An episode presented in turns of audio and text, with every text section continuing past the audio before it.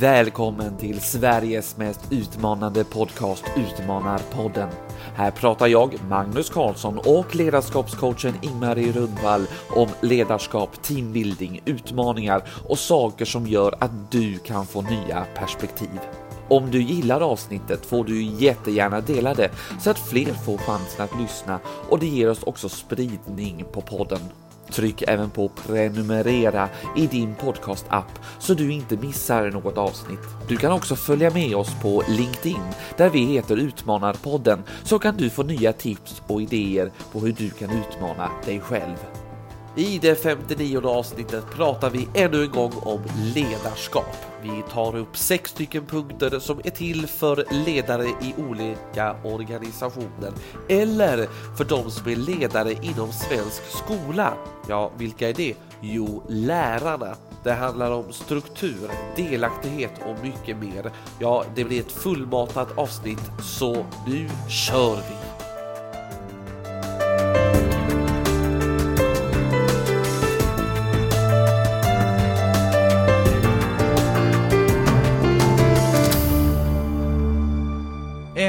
Dag så här i mars och vi är tillbaka för att podda eh, om ett ämne som vi har poddat om innan men det tar liksom aldrig slut eh, och du sitter på så mycket information och kunskap om det här, eller hur Ingmarie? Ja, jag hoppas ju att jag sitter på lite kunskap, men framförallt sitter jag ju på väldigt mycket reflektioner och erfarenheter av ämnet ledarskap. Och det här har vi pratat om som sagt. Eh, senast så kan man ju faktiskt gå tillbaka till avsnitt eh, ett den här säsongen där vi pratar om tillit i ledarskapet. Och vi vet att vi har... Magnus, nu ställer du till lite här ju för det är väl avsnitt 55 de ska lyssna på då? Och vad jag sa då då? Du sa att de skulle lyssna på första och de kan ju inte veta vad, när säsongen är och när jul är och sådär utan de ser ju det i sitt flöde tänkte jag. Ja. Så jag skulle hjälpa dem lite där lyssnarna. Ja, det var ju faktiskt jättebra att du gjorde det. Alltså mm. avsnitt 55 i den här säsongen, första avsnittet i den här säsongen, ja. som är säsong nummer sju. Ja, nu låter eh. vi som en sån här tv-serie, kom jag på. Man klickar in på Netflix och så tänker man det här var ju bra. Och så undrar man, förstår du så här? Jo, för det finns 83 serier och 83 säsonger och allt vad det nu är. Nej, inte riktigt kanske, men åtta säsonger. Jag blir trött bara då. Men oj, oj, då kan man undra, hur många säsonger ska vi hålla på? Men den frågan tar vi inte idag, utan vi ska nu prata ledarskap. Jag måste bara flika in det första, för jag, mm. jag blev glad över en sak. Och det var så här, jag såg på LinkedIn nämligen, det var en person som hade postat ett inlägg där. Den personen hade gått förbi ett café någonstans, jag vet inte vad det var, men det var i Sverige i alla fall. Då stod det på en sån här gatupratare, en sån här skylt som man ställer ut på gatan utanför någon butik om man har. Utanför det här caféet så stod det så här. Välkommen in på kaffe. En kaffe då kostade det 43 kronor. Om man sa en kaffe tack, då kostade det 35 kronor. Och sa man jag skulle vilja beställa en kaffe, tack så mycket, då kostade det 27 kronor. Och det tyckte jag var så roligt. Men dels så här var det jag tyckte att det var en väldigt bra marknadsgrepp, det måste jag säga. Men jag tyckte också att det var lite lite nytänkande och lite så här, man vill skapa liksom en relation med sin kund och få en också att bli lite glad. Ja, jag känner att, att vi i Utmanarpodden och det här fiket, eh, konditoriet, vill samma sak. Nämligen göra världen, eh, samhället lite bättre. Lite vänligare, lite humanare, lite mänskligare. Det var ju underbart alltså. Mm. Alltså, det är sån här grej som jag tänker, oh den skulle jag vilja kommit på själv. Exakt, och så måste man ju leta upp var det här kaféet ligger någonstans. Ja. Det, blir, mm. det blir nästa sak. Vi ska inte fika just nu för nu ska vi podda och vi ska prata ledarskap. Precis, och då ska vi egentligen göra det därför att jag har veckor bakom mig när jag har jobbat väldigt mycket med ledarskap och när jag jobbar med någonting så reflekterar jag mycket. Och då reflekterar jag över att jag hör en mening väldigt, väldigt ofta oavsett var jag är så hör jag en mening som säger så här. Ja, fast alltså vårt ledarskap här, det är ju väldigt speciellt. Vi är ju ett väldigt speciellt företag, så det är ju väldigt speciellt hos oss. Som ledare så kan man inte mäta sig med någon annan ledare. Man kan knappt ens få inspiration kanske från någon annan, för vi är väldigt speciellt hos oss. Okej. Okay. Ser du att jag gör citattecken på det jag säger nu liksom? Precis. Ja. Och det som är intressant då, det är att jag nästan ler därför att jag ser mig själv, eh, vad heter det, backlash. Ja, precis. Ja. Mm. När jag började en eh, ledarskapsutbildning på universitetsnivå för många år sedan, fast inte så ja, rätt så många år sedan. Eh, då kom jag dit och tänkte så här, ja undrar vad det egentligen kan handla om som jag kan ta till mig för att jag är ledare i en väldigt speciell organisation och vi har väldigt speciella förutsättningar hos oss. Det vill säga, jag har sagt det själv, det där som jag möts av. Och det som hände där som är då eh, 2000-talet någon gång 6-7 när jag går på den utbildningen. Då märker jag att när jag sätter mig sidan om en kvinna som jobbar inom kärnkraftverk så säger hon, alltså jag är lite osäker på hur mycket jag kan ta till mig av detta för att alltså jag har väldigt speciella förutsättningar, jag jobbar förstår du på ett kärnkraftverk. Vem jag än mötte på utbildningen så började vi med att förklara att vi var väldigt speciella. Och var inte vi speciella så var våra organisationer speciella. Eller så var vår styrningsprincip speciell eller så var våra förutsättningar ekonomiskt speciella eller så hade vi speciella system för saker som ingen annan hade. Det enades vi alla om att alla var speciella. Så minns jag ett samarbete, ett sånt här grupparbete som man har. Ska man komma i en grupp och så kommer det en kar som jobbade på Sandvik. Eh, och han är väldigt tyst och vi försöker dra med honom. Och så säger han, ja jag vet faktiskt inte hur mycket jag kan bidra med här för att jag har så speciella förutsättningar så jag tänker jag kan ändå inte lära mig någonting av er ungefär. Den tonen och attityden hade han.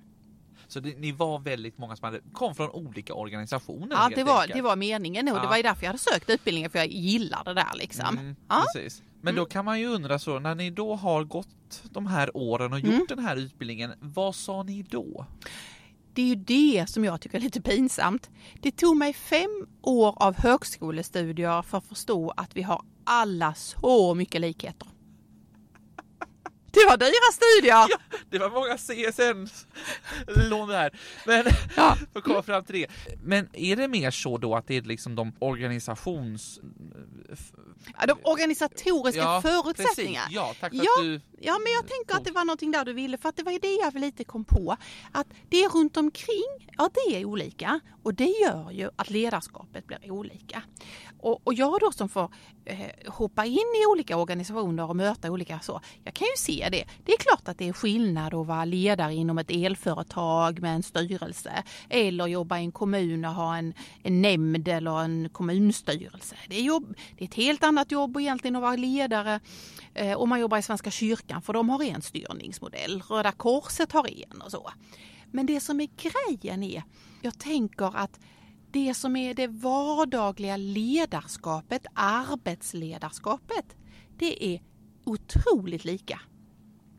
Därför att så som jag är, med medarbetare leder, medarbetare leder dem tillsammans, får dem till att fungera, bygger bra arbetsmiljö. Det är likadant.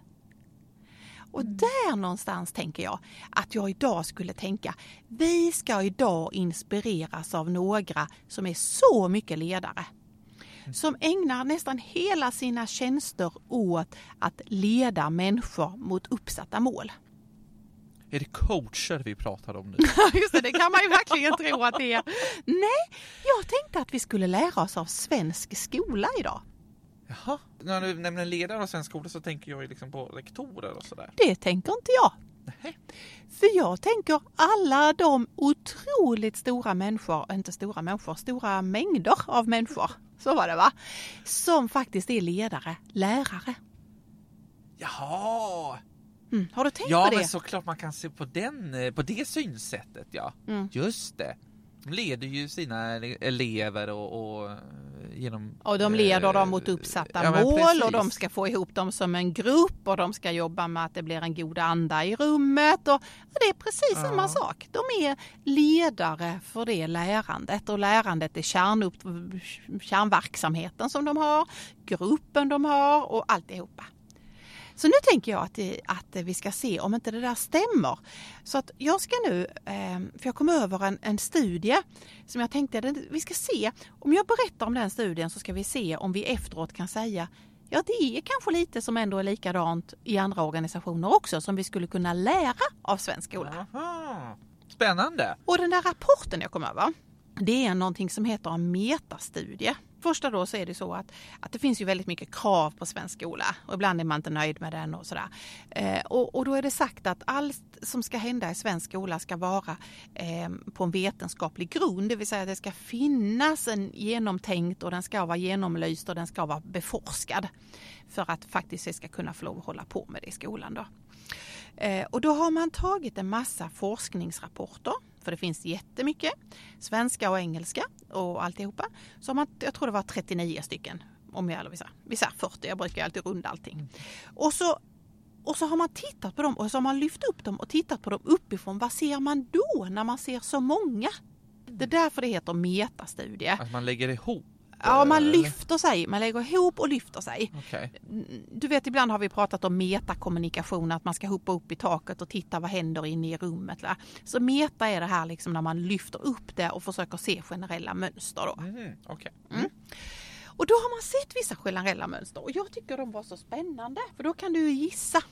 Vad tror du då man säger är det viktigaste för att få ett gott ledarskap i klassrummet?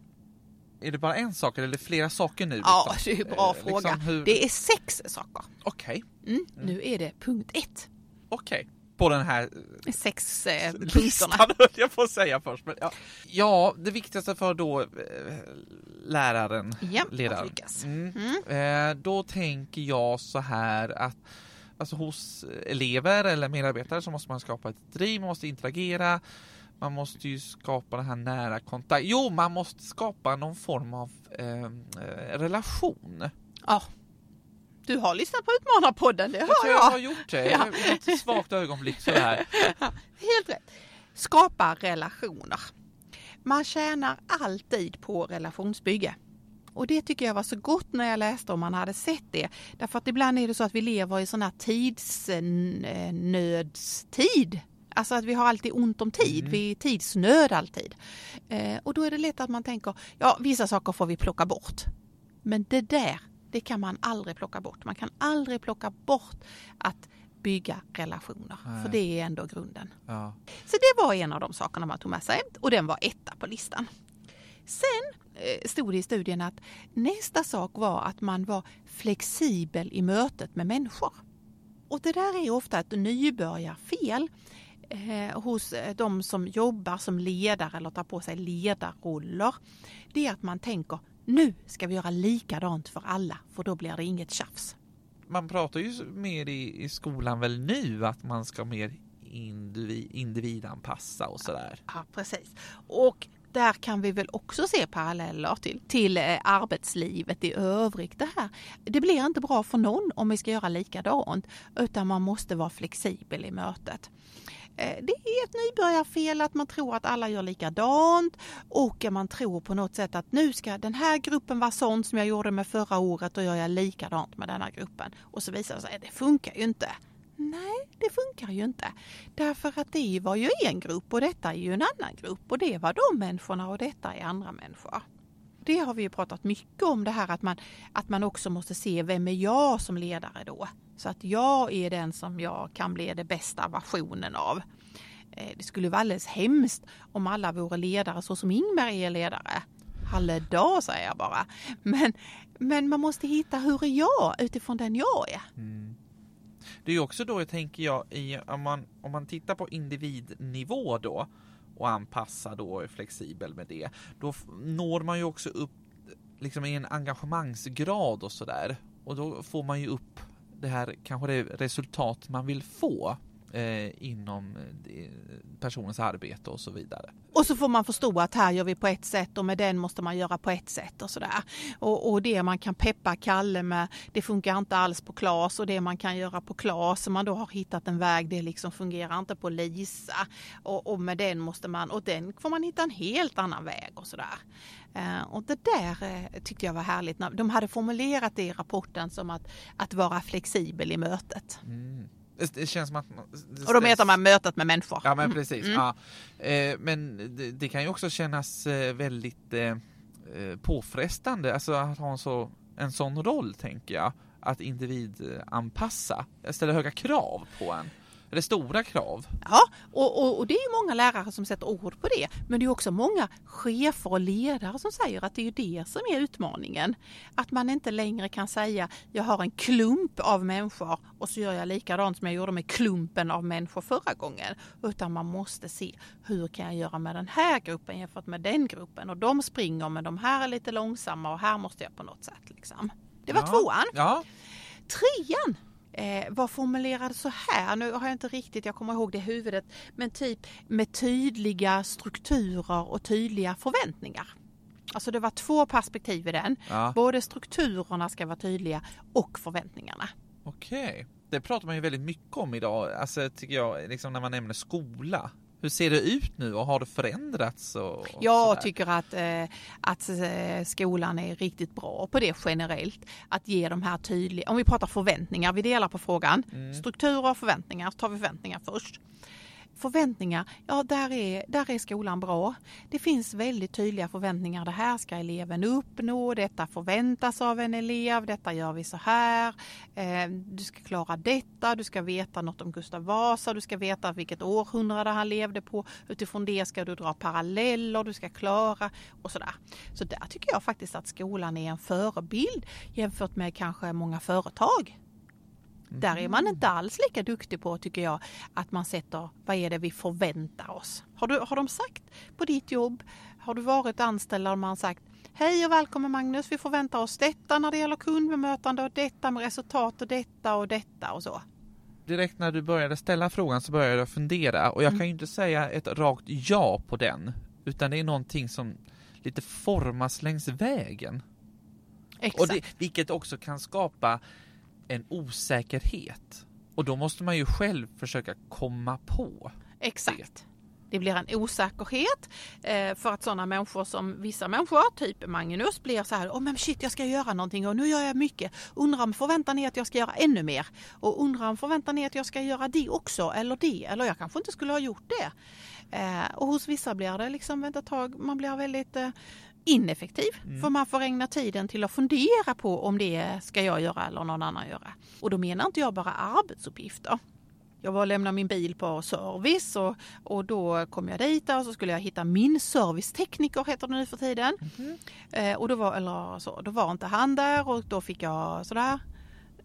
Och då fick jag titta och eh, gå runt och leta lite och då visade det sig att under tiden så var det ingen som sa hej till mig.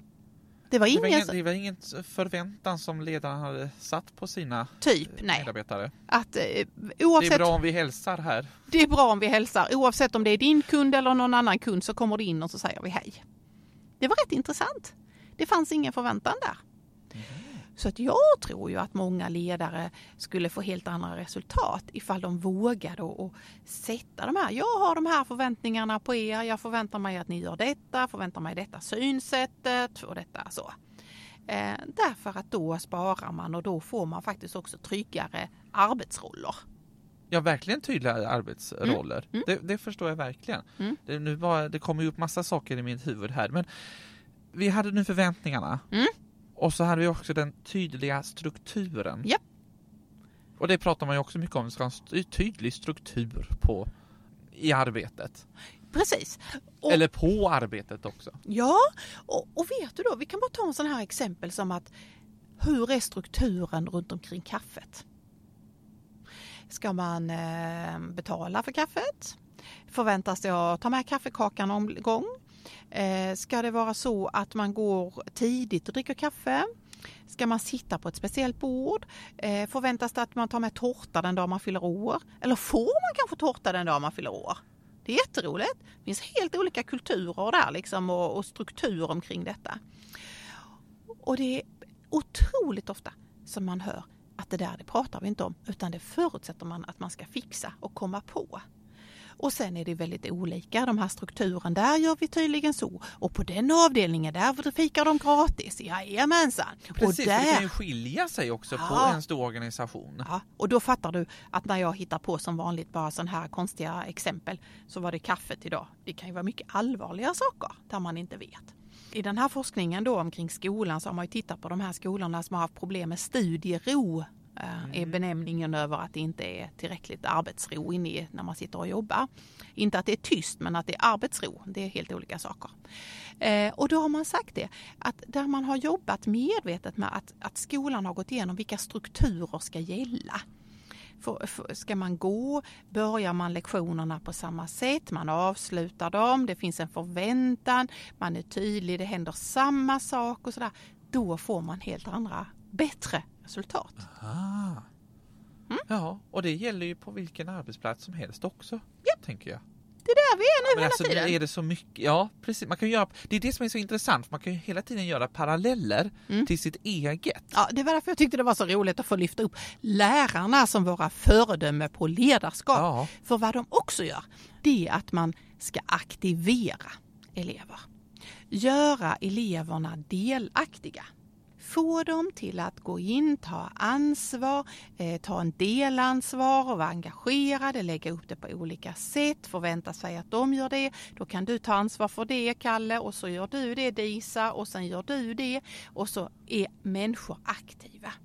Precis som det är på en arbetsplats också. Ja, Ja, men jag skulle vilja ja, säga som det skulle Ja, kunna precis. vara, skulle jag Ja, det var säga. väl det jag försökte, men du förklarade mer min tanke. Ja, just det.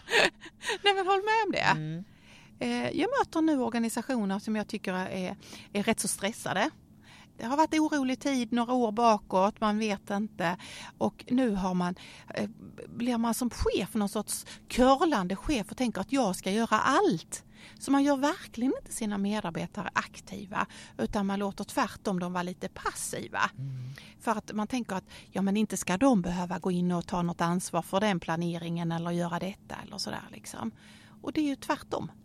Gör människor aktiva, få dem engagerade. Och det finns ju massor med metoder för det där. Ja. Men om det är en grupp då som kan vara svår att aktivera?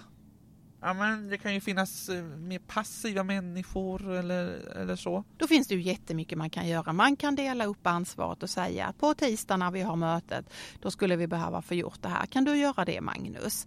Ehm, jag vill att någon förbereder den punkten. Kan du ta det Lisa? Ehm, det här skulle några stycken behöva förtänka omkring. Kan ni göra det? Ja, men jag tror att det är en del av det från början innan man har byggt det.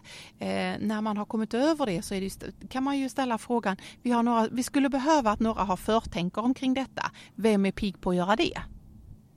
Mm. Mm. För då har man kommit över den gränsen att, och alla har kommit in att ah, man ska, här förväntas att man är aktiv. Då vill det till att jag någon gång säger ja det kan jag göra och sådär. Mm. Men man måste börja med att skapa det där och förvänta sig det liksom. Okej. Så, det, så det du säger är, till en början är det bra att dela ut Mm. uppgifterna. Mm. Sen när man har liksom kommit till det stadiet att man kan gå vidare till nästa steg och det är att frågan så här, kan någon tänka sig detta? Och då kanske man har byggt upp det engagemanget så att folk gärna, ja men det där tar jag. Ja, och sen eh, finns det ju naturligtvis en målbild som innebär att sen är det ju någon som säger eh, Vet du vad, alltså skulle vi inte behöva fixa det här i chefen innan? Jag har ett förslag på det, jag kan ta den uppgiften om du tycker det. Det är väl liksom, då har man ju verkligen lyckats. Eller, och det behöver ju vara en arbetsuppgift och det kan vara en kaffefråga eller det kan vara att köpa frukten eller det kan vara att boka after work eller någonting. Va? Men där människor är aktiva. Mm. Eh, och som sagt var, varför jag vill lyfta fram är för att jag tycker lärare är bra på det. Men också att jag ser en tendens hos ledare att de tänker att mina medarbetare har så mycket så de ska inte behöva göra mer.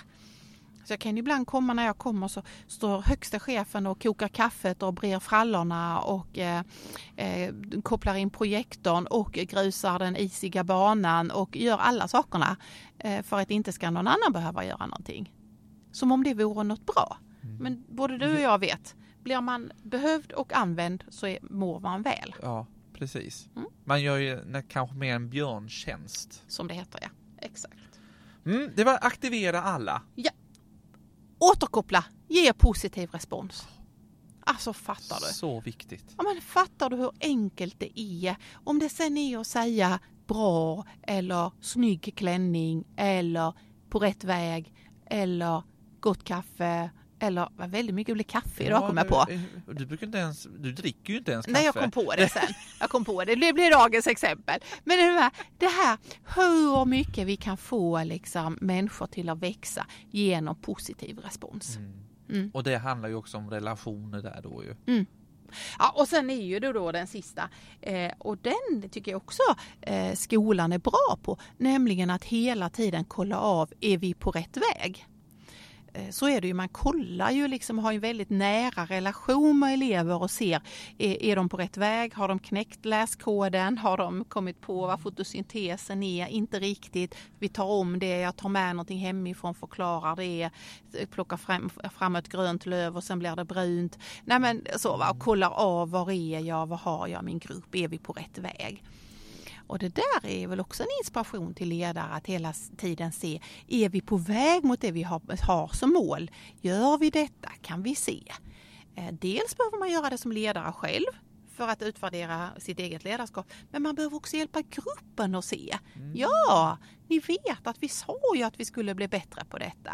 Och nu har vi varit ute och kollat på bilverkstaden och nu är det många fler eh, som faktiskt eh, hälsar och nu får vi positiv respons att man hälsar på alla, vem det är, vilken bil man än har när man lämnar in det eller sådär. Att man visar, vi är på vägen. Ja. Mm. Mm. Ja, när du eh, pratar här så kommer det upp liksom minnen eh, från min eh, skolgång. Jag hade en mellanstadielärare eh, som var eh, väldigt bra. Hon hade den hon kunde se så här, är alla med mm. i det här? Och också delade ut uppgifter så här, men du tar, nu ska vi ha bild, okej, okay, nu tar ni fram penslarna så här, kan någon ta fram det här? Och mm. så Alltså, det, det, är i alla fall min bild av hur det mm. var liksom. Och försökte ena också eh, oss som grupp mm.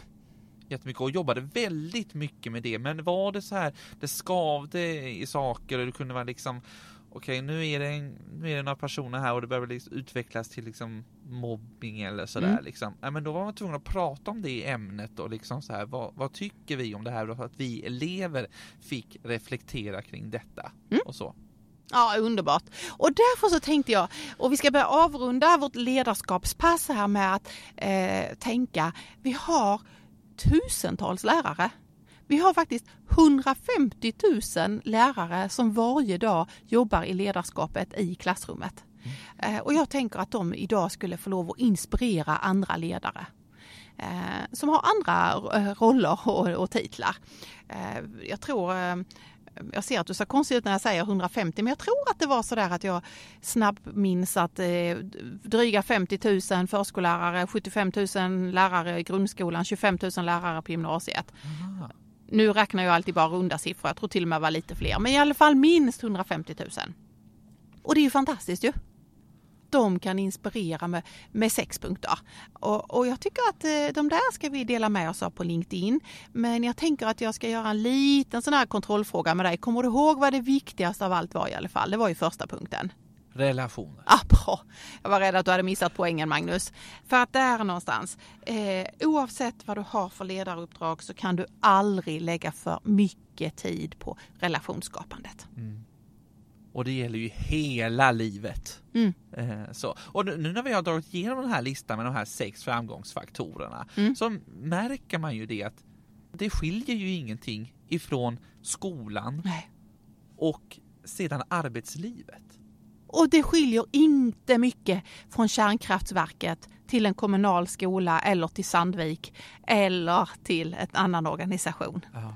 Så spännande med att du får möta ledare eh, nu i din roll då, åker runt i många olika organisationer och sådär och, och, och ser de här mönstren mm. eh, hela tiden. Mm. Ja men även om du, ja men du jobbar i, i en liten butik kan det vara, eller det här är en större organisation, att det är liksom samma sak mm. egentligen mm. i ledarskap. Ja, och det var det jag försökte förklara i början. Organisatoriska förutsättningar, kulturfrågor, väldigt olika kan vara väldigt olika. Men i det direkta mötet, hur får jag den här gruppen, hur får jag de här medarbetarna med mig? Hur går vi på rätt väg mot målet? Hur får vi en bra arbetsmiljö?